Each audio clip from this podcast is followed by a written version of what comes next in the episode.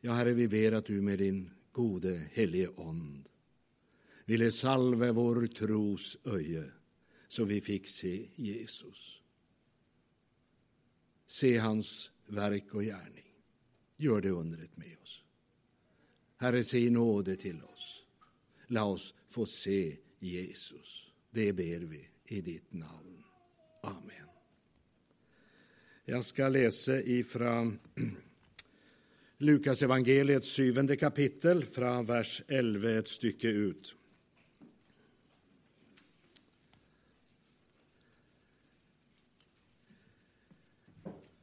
Dagen efter skedde det att Jesus drog till en by som heter Nain.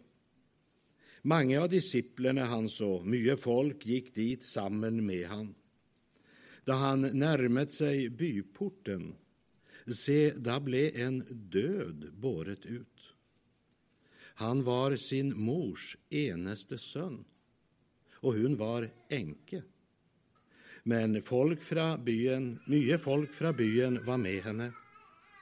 Da Herren såg henne fick han medynk med henne och sa till henne, gråt icke. Så gick han bort till och rörte vid båren. De som bar den stanset. Och han sa, unge man, jag säger dig, stå upp. Då satte den döde sig upp och begynte att tala, och han gav han till hans mor. Alle blev da grepet av frykt, och de priste Gud och sa, en stor profet är rejst upp ibland oss, och Gud har gästet sitt folk. Och detta ordet om ham kom ut i hela Judea och i hela landet där omkring. Amen. Alltså den historiska händelse vi läser om här, den hører egentlig nøye sammen med det Lukas först forteller like før det här och det han forteller like efter. Så det står liksom i en tätt sammanhang kan du si. För kapitlet begynner med att han forteller om hur tjänaren till en romersk hövitsman blir syk och Gud griper in där. Och så eh, efter det så står det att Johannes och hans discipler hade varit där, eller Johannes discipler, Johannes var ju själv i fängsel, de var där. Och så när de kommer tillbaka så förtäller de Johannes om det de har sett och hört. Och alltså, yttre sett var ju Johannes tid förbi. Det må ha varit lite märkligt för han, inte sant? Han var kallt till att gå föran Messias. Han skulle vara vägröjer, rydde väg för Herren. Och så står han där och ropar ut sitt budskap och så plötsligt blir han fängslet. Tatt ut av gärningen, isolert. Icke någon folk att snacka med. Det virker som att nu är det hela över. Och den här eh, Herodes, han hade ju talt han till rätte, för han hade tagit kona till broren sin. Han hade gjort mycket annat ont, som också Johannes påpekade. Och, och det är klart, det blev så pass personligt för Herodes att han måtte fängsla honom, för det gick ju direkt på han lös, det han förkynte. Så han låste in den här mannen. Och vi ska också komma ihåg att Lukas, han är den eneste som förtäller om det här besöket i Nain. Och eh, vi får veta att eh, disciplinerna till Johannes förtäller han vad de har sett. Och då får vi ju räkna med att Johannes också fick höra om det här som sker i Nain. Och höra att folk i Nain, ja faktiskt i hela Judea, de priste Gud för att en stor profet var upprest ibland dem. Och så kom tanken, här sitter jag. Jag trodde jag var Guds tjänare. Jag stod mitt i en rik gärning. Nu är jag fullständigt isolerad, får inte gjort någonting. Och vis han nå har makt och helbrede psyke, ja, ändå uppväcker döde. Den Messias om vilken skriften säger att han kommer för att sätta fangene fri. Varför sitter jag idag i fängsel? Det stämmer icke. Och det är det som kallas anfäktelse. Vi läser om noe, vi läser Guds löfter och det ser ut till att virke på de andra. Men det är ju inte sånn för mig. Här sitter jag bundet. Och jag tänkte på det här, alltså att... Varför sitter jag här? Är jag icke Guds tjänare? Och så sänder han sina discipler för att spörre. Är du den som skall komma eller ska vi vänta en annan? Det var ju han som hade stått där vid Jordan och pekt och sagt, se där, Guds lam som bärer världens synd. Ja. Men nå er det ikke sånn. Var det feil? Var det du som skulle komma, eller ska jag vänta på en annen? Vi ska ta tid å lese de ti første vers i samme kapittel, Lukas 7, 1. Da Jesus hade avslutat hela sin tale i folkets påhör gick han in i Kapernaum. En hövetsman hade en tjänare som var syk och döden när. Han satte denne tjänaren meget höjt. Da han hörte om Jesus, sände han noen av jødenes eldste til ham for å be han komme og helbrede tjeneren hans. Da de nå kom til Jesus, ba de ham innstendig og sa, Han er vel verd at du gjør dette for han. For han elsker vårt folk, og det er han som har bygd synagogen for oss. Jesus gikk da med dem. Men då han icke hade langt igen till huset, sände høvedsmannen noen vänner till han och sa, Herre, gör dig icke umak. Jag är icke värdig till att du går in under mitt tak. Därför aktet jag mig heller icke värdig till att gå till dig. Men si ett ord, så blir gutten helbredet. För oss och jag är en man som står under myndighet, och jag har soldater under mig. Sier jeg til den ene gå, så går han, og til den annen kom, så kommer han, og til tjeneren min gjør dette, så gjør han det. Da Jesus hørte dette, undret han seg over ham. Og han vendte seg til folket som fulgte ham, og sa, Jeg sier dere, ikke engang i Israel har jeg funnet så stor tro och da de som var utsänd kom tillbaka till huset, fann de tjänaren frisk. Alltså, Noen ganger när jag läser så, så føler jag at sånn, jag skulle ønsket å vært med. Samtidigt är jag heldig som får leva i den tid jag lever, i ändetiden, för jag, jag tror det är ändetid. Jag må säga, man, Vi har ju alla våra kamper och strider, och våra nederlag och våra ting. Og så følte jeg en gang det at Tenk om man hade levt för 100 år sedan eller 200 år sedan. Jag, är en sån där typ som alltid tror att det var lättare än nu. Och, och, och såna att jag, jag, tror ofta det att eh, jag skulle tjäna Gud så mycket bättre om förhållandena mine var annorlunda än de är nu. Men det är ju inte sånt det är. Kan jag inte tjäna Gud här och nu så kan jag det inte under andra villkor heller. Har du läst Paulus skrev en gång en hilsen där det står att han hilste från den och den, och så från alla de i kejsarens tjeneste. Och så tänkte jag, du verden, vem kände Paulus som var i kejsarens tjeneste? Alltså, jag vet inte om detta håller teologiskt, du får bara pröva det. Men alltså i min barnsliga, enkla tro alltså, så kunde jag inte finna ut att det var någon annan än enn det de som passet på han. Inte sant? Kan du se det för dig, att han blir satt i fängsel och så en på varje sida till att passa på han? Hade det varit mig, då hade jag knurrat och klagt till Gud och sagt ja, käre Gud, jag har väl kanske inte läst så mycket denna uka som jag började och, och så är det det och det, men nu ska jag ta mig samman alltså. Om du bara hjälper mig ut härifrån, då ska jag vittna om dig. Och då säger Gud, kan du inte vittna där du är, så kan du inte vittna om du kommer ut heller. Og du vitnet jo i hvert fall ikke før du ble lukka inn. Men du vet, sånn er ikke Paulus. Han sitter där och så kommer det to stycken fangevoktere, och så säger Paulus Tack käre Gud för en menighet som ikke kan rømme fra meg. Och så begynner han att preka för dem.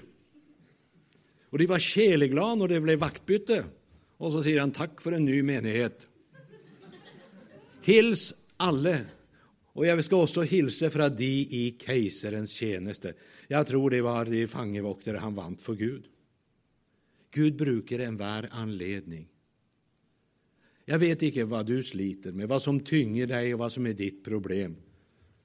Men jag vet bara det att det är inte så att visst det löser sig, då kan du tjäna Gud bättre. Kan inte du tjäna Gud slik du har det nu, kan du inte tjäna Han heller heller. Och det här är lätt att säga till andra men jag sitter så fast i det själv mer än en gång. Och så tänkte jag, här är en man, en höjt uppsatt man bland militärer i ockupationsmakten. Och han sänder icke vem som helst, han sänder icke sina tjänare. Men de äldste, alltså den åndelige elite i Kapernaum, får han till att gå och be Jesus komma. Och de säger det att alltså, han är väl värt att du hjälper han. Han älskar vårt folk. Det är inte så vanligt det att hedningar älskar Guds Israel. Det var lika ovanligt den gång som idag alltså.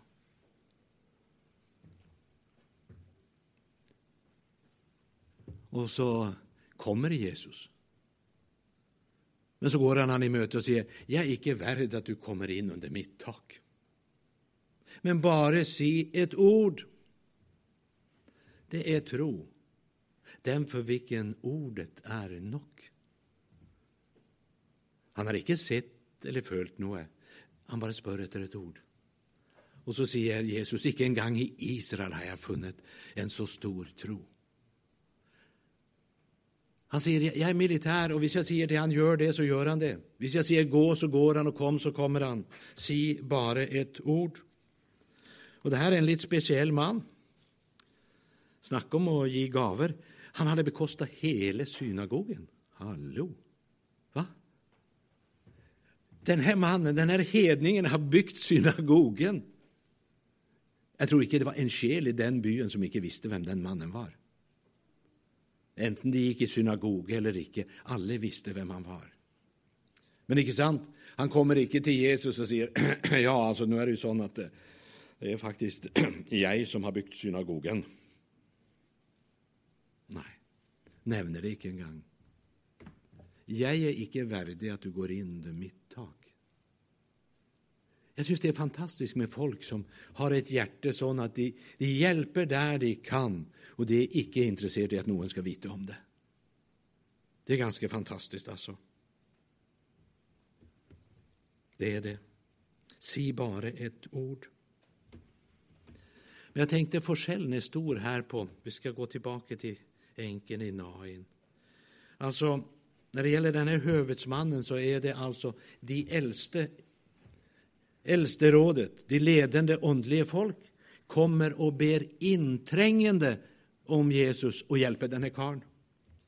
I Nain är det icke någon som ber om något. Och Jesus hjälper likväl. För han ser nöden. Och det här är ett ord till dig som har det ont. Till dig som nästan känner att du håller på att dö åndelig. Och så det värsta av allt, du får det inte till att be. Du får liksom inte till att ropa ut nöden din. Men eh, Jesus ser och griper in. Pröv att tänka dig den enke situation. Det är kanske vanskligt för oss idag. Men inte sant, den gång så var en enke fullständigt avhängig av sina söner och sina släktingar för framtid och liv. Visst de hade någon då. Men denna dame har kun en, en eneste son, det är det hela. På ham hänger hela hennes framtid. Men nu är han död. Nu är sista hoppet och möjligheten slukket nu. Nu är det kört för mig.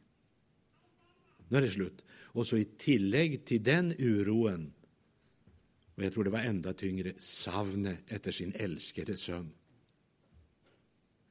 Det er i grunn synd på alle foreldre som må overleve sine barn. Jeg skal ikke si hvordan det er, for jeg har ikke opplevd det, men vi var nær å miste henne en gang. Vi kjørte så fort vi kunne etter cykelbilen. Men vi regnet ikke med at det skulle gå veien. Og jeg tenker på den smerten, altså.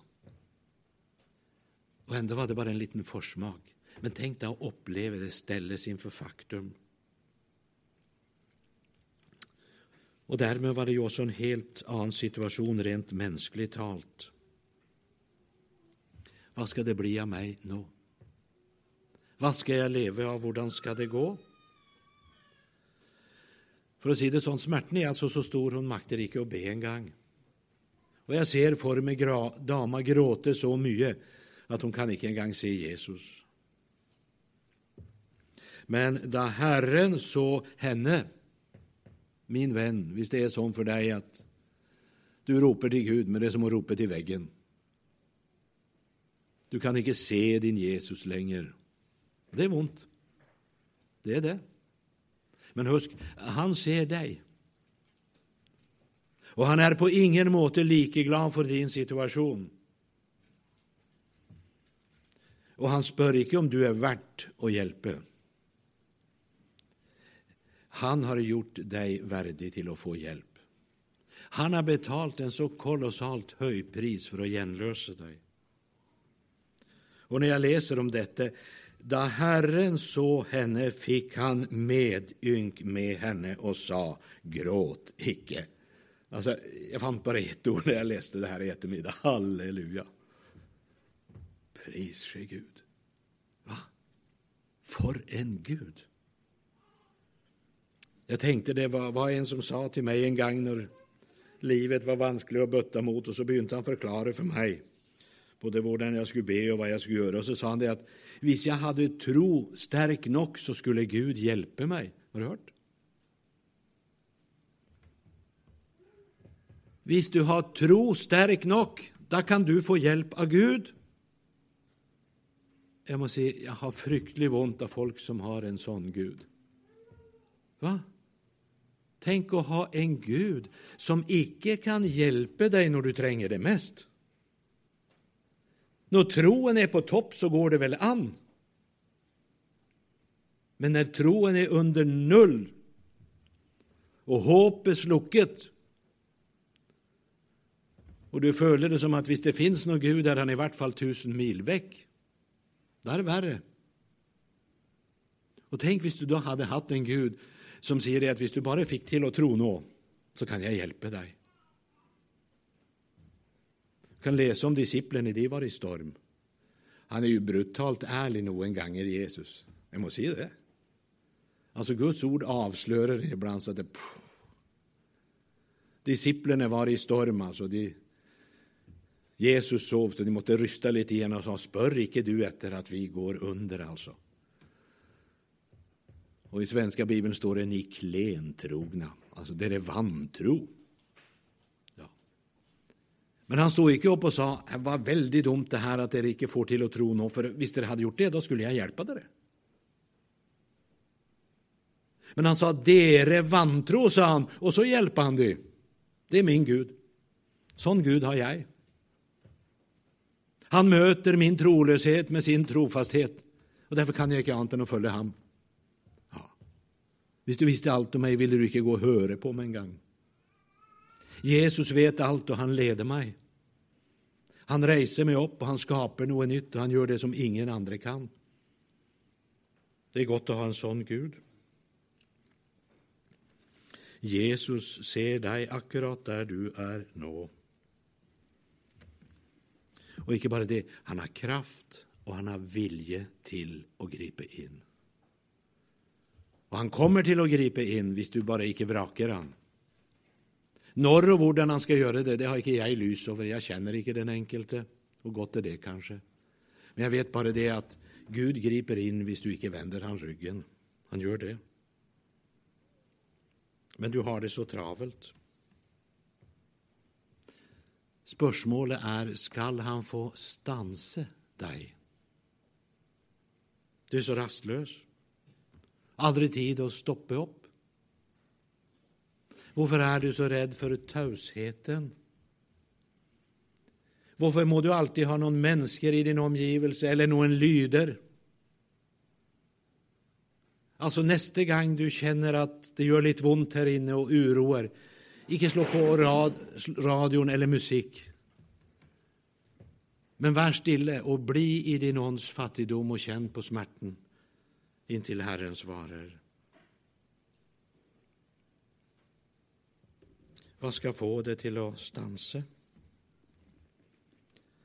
Da Herren så henne, fick han medynk och sa till henne, gråt icke. Så gick han bort till och rørte vid båren. De som bar den, stanset. Alltså, de, de visste vad det gjaldt.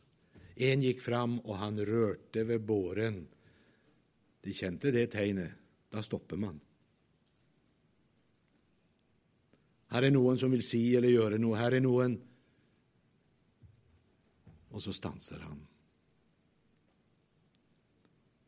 Og jeg tenkte det Hva skal til for å stanse deg? Hvordan har du det egentlig? Jeg satt med det her, så, så gikk mine tanker til det Paulus skriver i Filipperbrevets første kapittel. For meg er livet Kristus och döden en vinning. Wow. Det är lite av en uttalelse.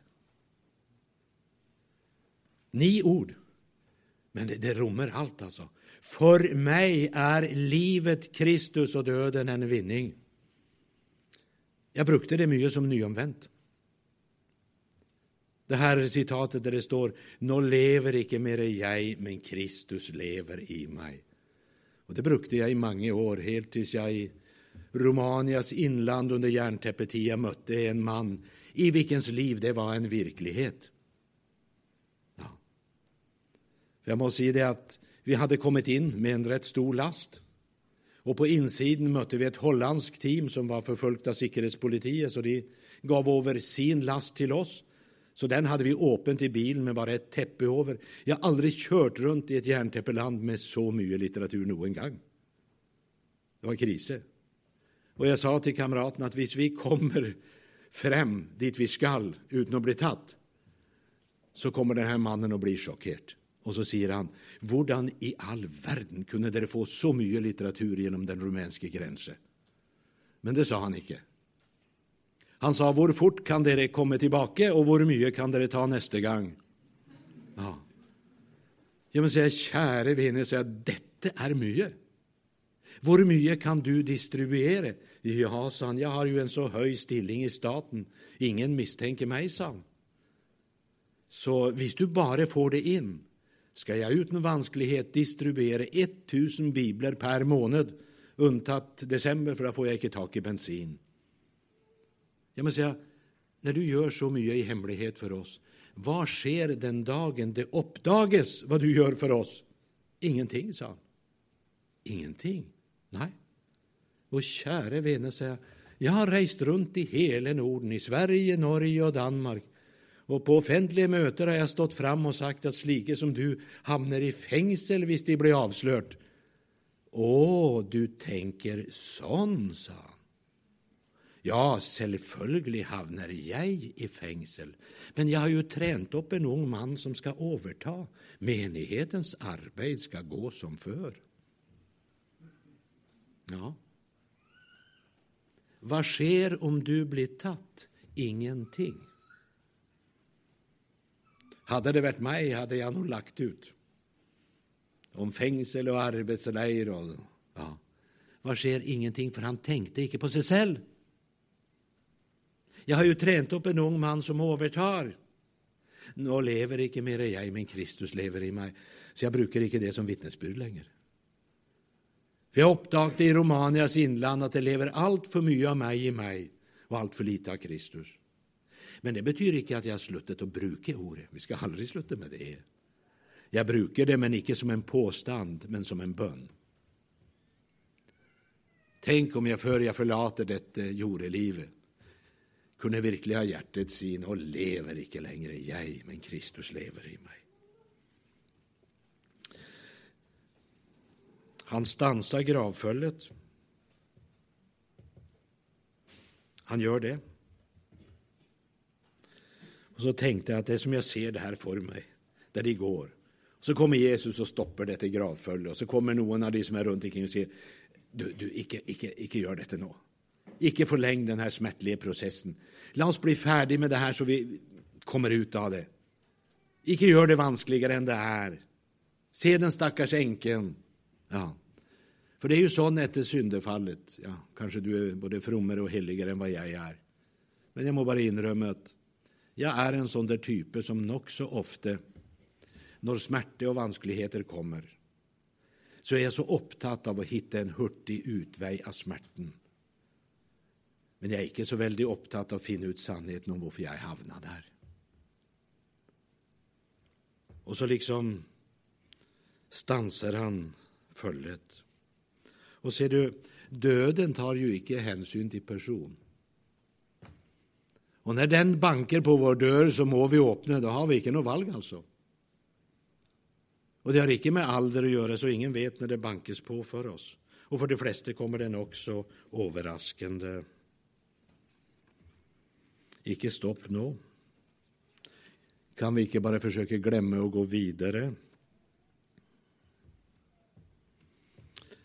Å bli stille midt i den dypeste smerte, det er ukjent for en kultur uten Gud.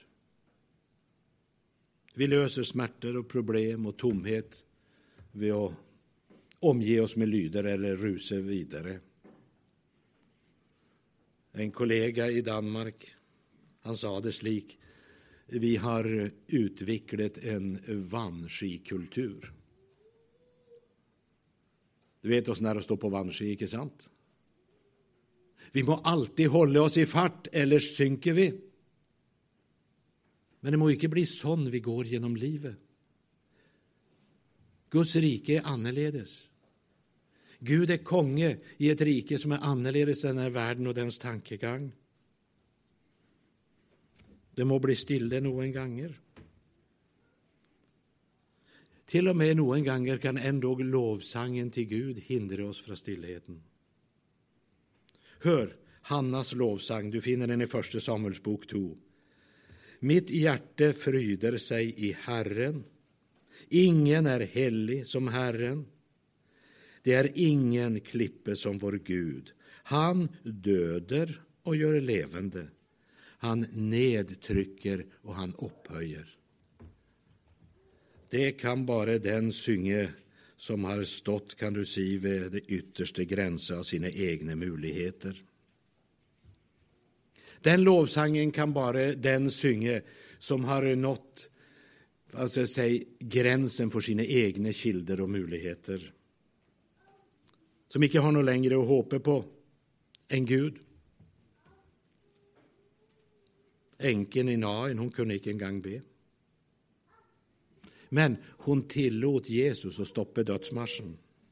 Hon gjorde det. Hva hindrer deg i å stanse? Och så tänkte jag vi ska tillbaka till Johannes igen lite.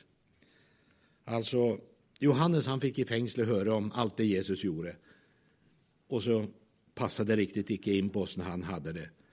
Och så sänder han bud. Och vad säger Jesus då? Jo, han säger sån. Gå och fortell Johannes vad det ser och hör. Ja, men hallå, det är ju akkurat det vi har gjort. Tänk dig att du går ett sted, och du blir inte hört på. Prekan når icke fram, så att säga. Och så går du till chefen och säger att jag kommer därifrån och detta här var icke rara grejerna. Alltså. Vad gör jag nu? Jo, säger han, gå tillbaka och så håller du samma preka en gång till. För det är ju det Jesus säger. Gå och fortell vad dere ser och hörer. Ja, men det var ju det de hade gjort.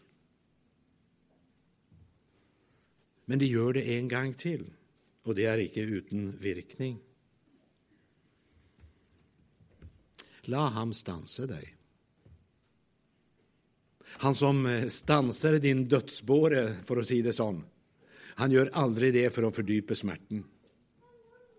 Han gör det inte för att ta knäcken på dig men han gör det för att forandre noe i ditt liv. La hans oppstandelsekraft få stanse deg, midt i din nød. Du ser, det er ikke døden som er farlig. Det virkelig farlige det er å ikke være villig å la seg stanse på sin vei mot graven. Også dere har han gjort levende som var døde i overtredelser og synder, står det et sted. Døde vid överträdelser och synder. Jag vet vad det är. Men jag vet också vad det är att bli oppreist av ham. En broder som känner mig gott och vet allt om mig Han sa en gång... Nu skjønner jag inte riktigt att du har frimodighet, så han, stå på talerstolen och se att du tillhör Gud, tillhörer Guds helige. Kan du förklara det, sa han. Jo, säger jag, det kan jag. Jag tillhörer Guds helige. Icke för att jag är fullkommen eller syndfri, men för att jag är en av de syndare som har mottagit uppracing en gång mer än han har fallit. Jag har ingen fortid. Den är däcket i lammets blod. Jag har en framtid och den är evig och vare, varig. Min framtidsdag är lys och lang. Jag nämnde just för en jag satt och snackade med i dag, om Jag var ett sted i Norge på en bibelcamping. Och där var det en broder från Sverige på besök som inte hade sett mig sedan den gången jag hade mörkt hår. Så det är ju någon år sedan det, då. Så enten begynner jag bli gammal eller så har jag köpt för billig shampoo. Men i vart fall så, så ser han unnskyld, sa ikke er det vel Kurt Westman? Ja, sa jag, det skal liksom forestille det. Oj, så gammel du är blitt, sa han. Jeg syns det är gott med ärliga folk. Ja, men ikke sant, Det var ikke sagt i fornedring, det var bara ett konstaterande. Jag var blitt gammel siden han så meg sist. Jeg er jo det. Det är ju ikke noe mer å si om det. Och då säger jag, ja, Carl, säger jag, Det har du rätt i. Den här yttre kroppshydden, så är den, den förfaller lite raskare noen ganger än jag skulle önska. Och jag märker det gott. Men alltså, en ting kan jag säga det med säkerhet. Det blir bara bättre och bättre för varje dag som går. För jag har fred med Gud. Och jag vet varifrån jag kommer. Även om jag aldrig har sett min far, och mor ville inte ha mig. Jag var bara en olycka, jag känner du. De fortalte at verden hadde vært mye bedre hvis ikke jeg var født. Men jeg har fått en far. Ja. Så derfor kan jeg si jeg vet hvor jeg kommer fra. Jeg vet hvorfor jeg lever, og jeg vet hvor jeg skal hen når jeg dør. Og så er det opp til Han når det øyeblikket kommer. Men jeg ber at det drøyer litt. Jeg har noen av de mine jeg gjerne skulle hatt med meg på veien. Min venn, la Gud få stoppe deg, stanse deg. Salige er de som sørger, sier Jesus i bergpreka. Vi kan si det sånn salig er den som tør å sørge, og ikke løper fra det. Og så står det salig er de fattige i ånden. Vi kunne også si salig er den som forstår sitt åndelige behov, som Gud ønsker å vekke og fullkomment dekke. Jeg tror på Jesus. Jeg gjør det. Jeg har ikke noe annet. Han har kjøpt meg med sitt blod, og jeg er hans. Jeg vil sitere litt fra en sang jeg er glad i. Det er navnet ditt jeg roper, vil du følge meg? Vill du trå i mine fotspår på en ukjent vei? Vil du kjennes ved mitt navn? Vil du møte sorg og savn? vil du hvile i min favn og la meg bli hos deg. Når du kaller, må jeg lytte, jeg vil følge deg. Jeg vil vende om og vandre på en ukjent vei. Dit du går, vill jag gå med, Herre, la din vilje ske, för jag vet att jag skall se mitt liv fullänt i dig. Till dig som sliter, vit det att den som idag säger till Jesus, tillgiv mig min synd. Han går ut av lokalen vit som snö, oavsett vad han eller hon bärer på. Aldrig i evighet ska någon bli utestängd från Guds himmel för det att fallet var för stort eller nöden eller sveket för stort. Det enaste som kan stänga ett människa ute är att de säger nej tack, jag tränger icke din tillgivelse. Jag hade prekat i en by som heter Rushomberok i Slovakien. Jag talade lite om nödvändigheten att förstå att man är en synder. Utan synserkännelse har man inte bruk för Jesus. Hvis man inte förstår man är syk, går man inte till läge. Och när mötet var färdigt kom en gammal dam och sa, du, hvor mycket synserkännelse må man ha för att bli frälst? Ja, så det är icke mycket. Det är icke mycket. Bara så mycket att du förstår att du icke klarar dig utan Jesus. Må du få det med dig. Amen. Tack Herre att du är en trofast Gud. Du grep in där någon sände själva eliten av de religiösa för att ropa på dig, och du kom. På det andra stället var det icke en eneste en som bad om något, men du grep in också där. Och när disciplinerna var i storm så sa du dere vantro och så hjälpa du dem. Och tack Herre att du ska också hjälpa den som strävar och sliter ikväll. Som tror att det icke är någon väg ut. Nej, det är ju i och för sig sant, det är ingen väg, men du lager väg. Du kan också idag dela det röde hav. Herre, förbarm dig över den själ som kämpar. Och hjälp oss att förstå att det är nog att vi förstår att vi tränger Jesus. Det är frälse. Amen.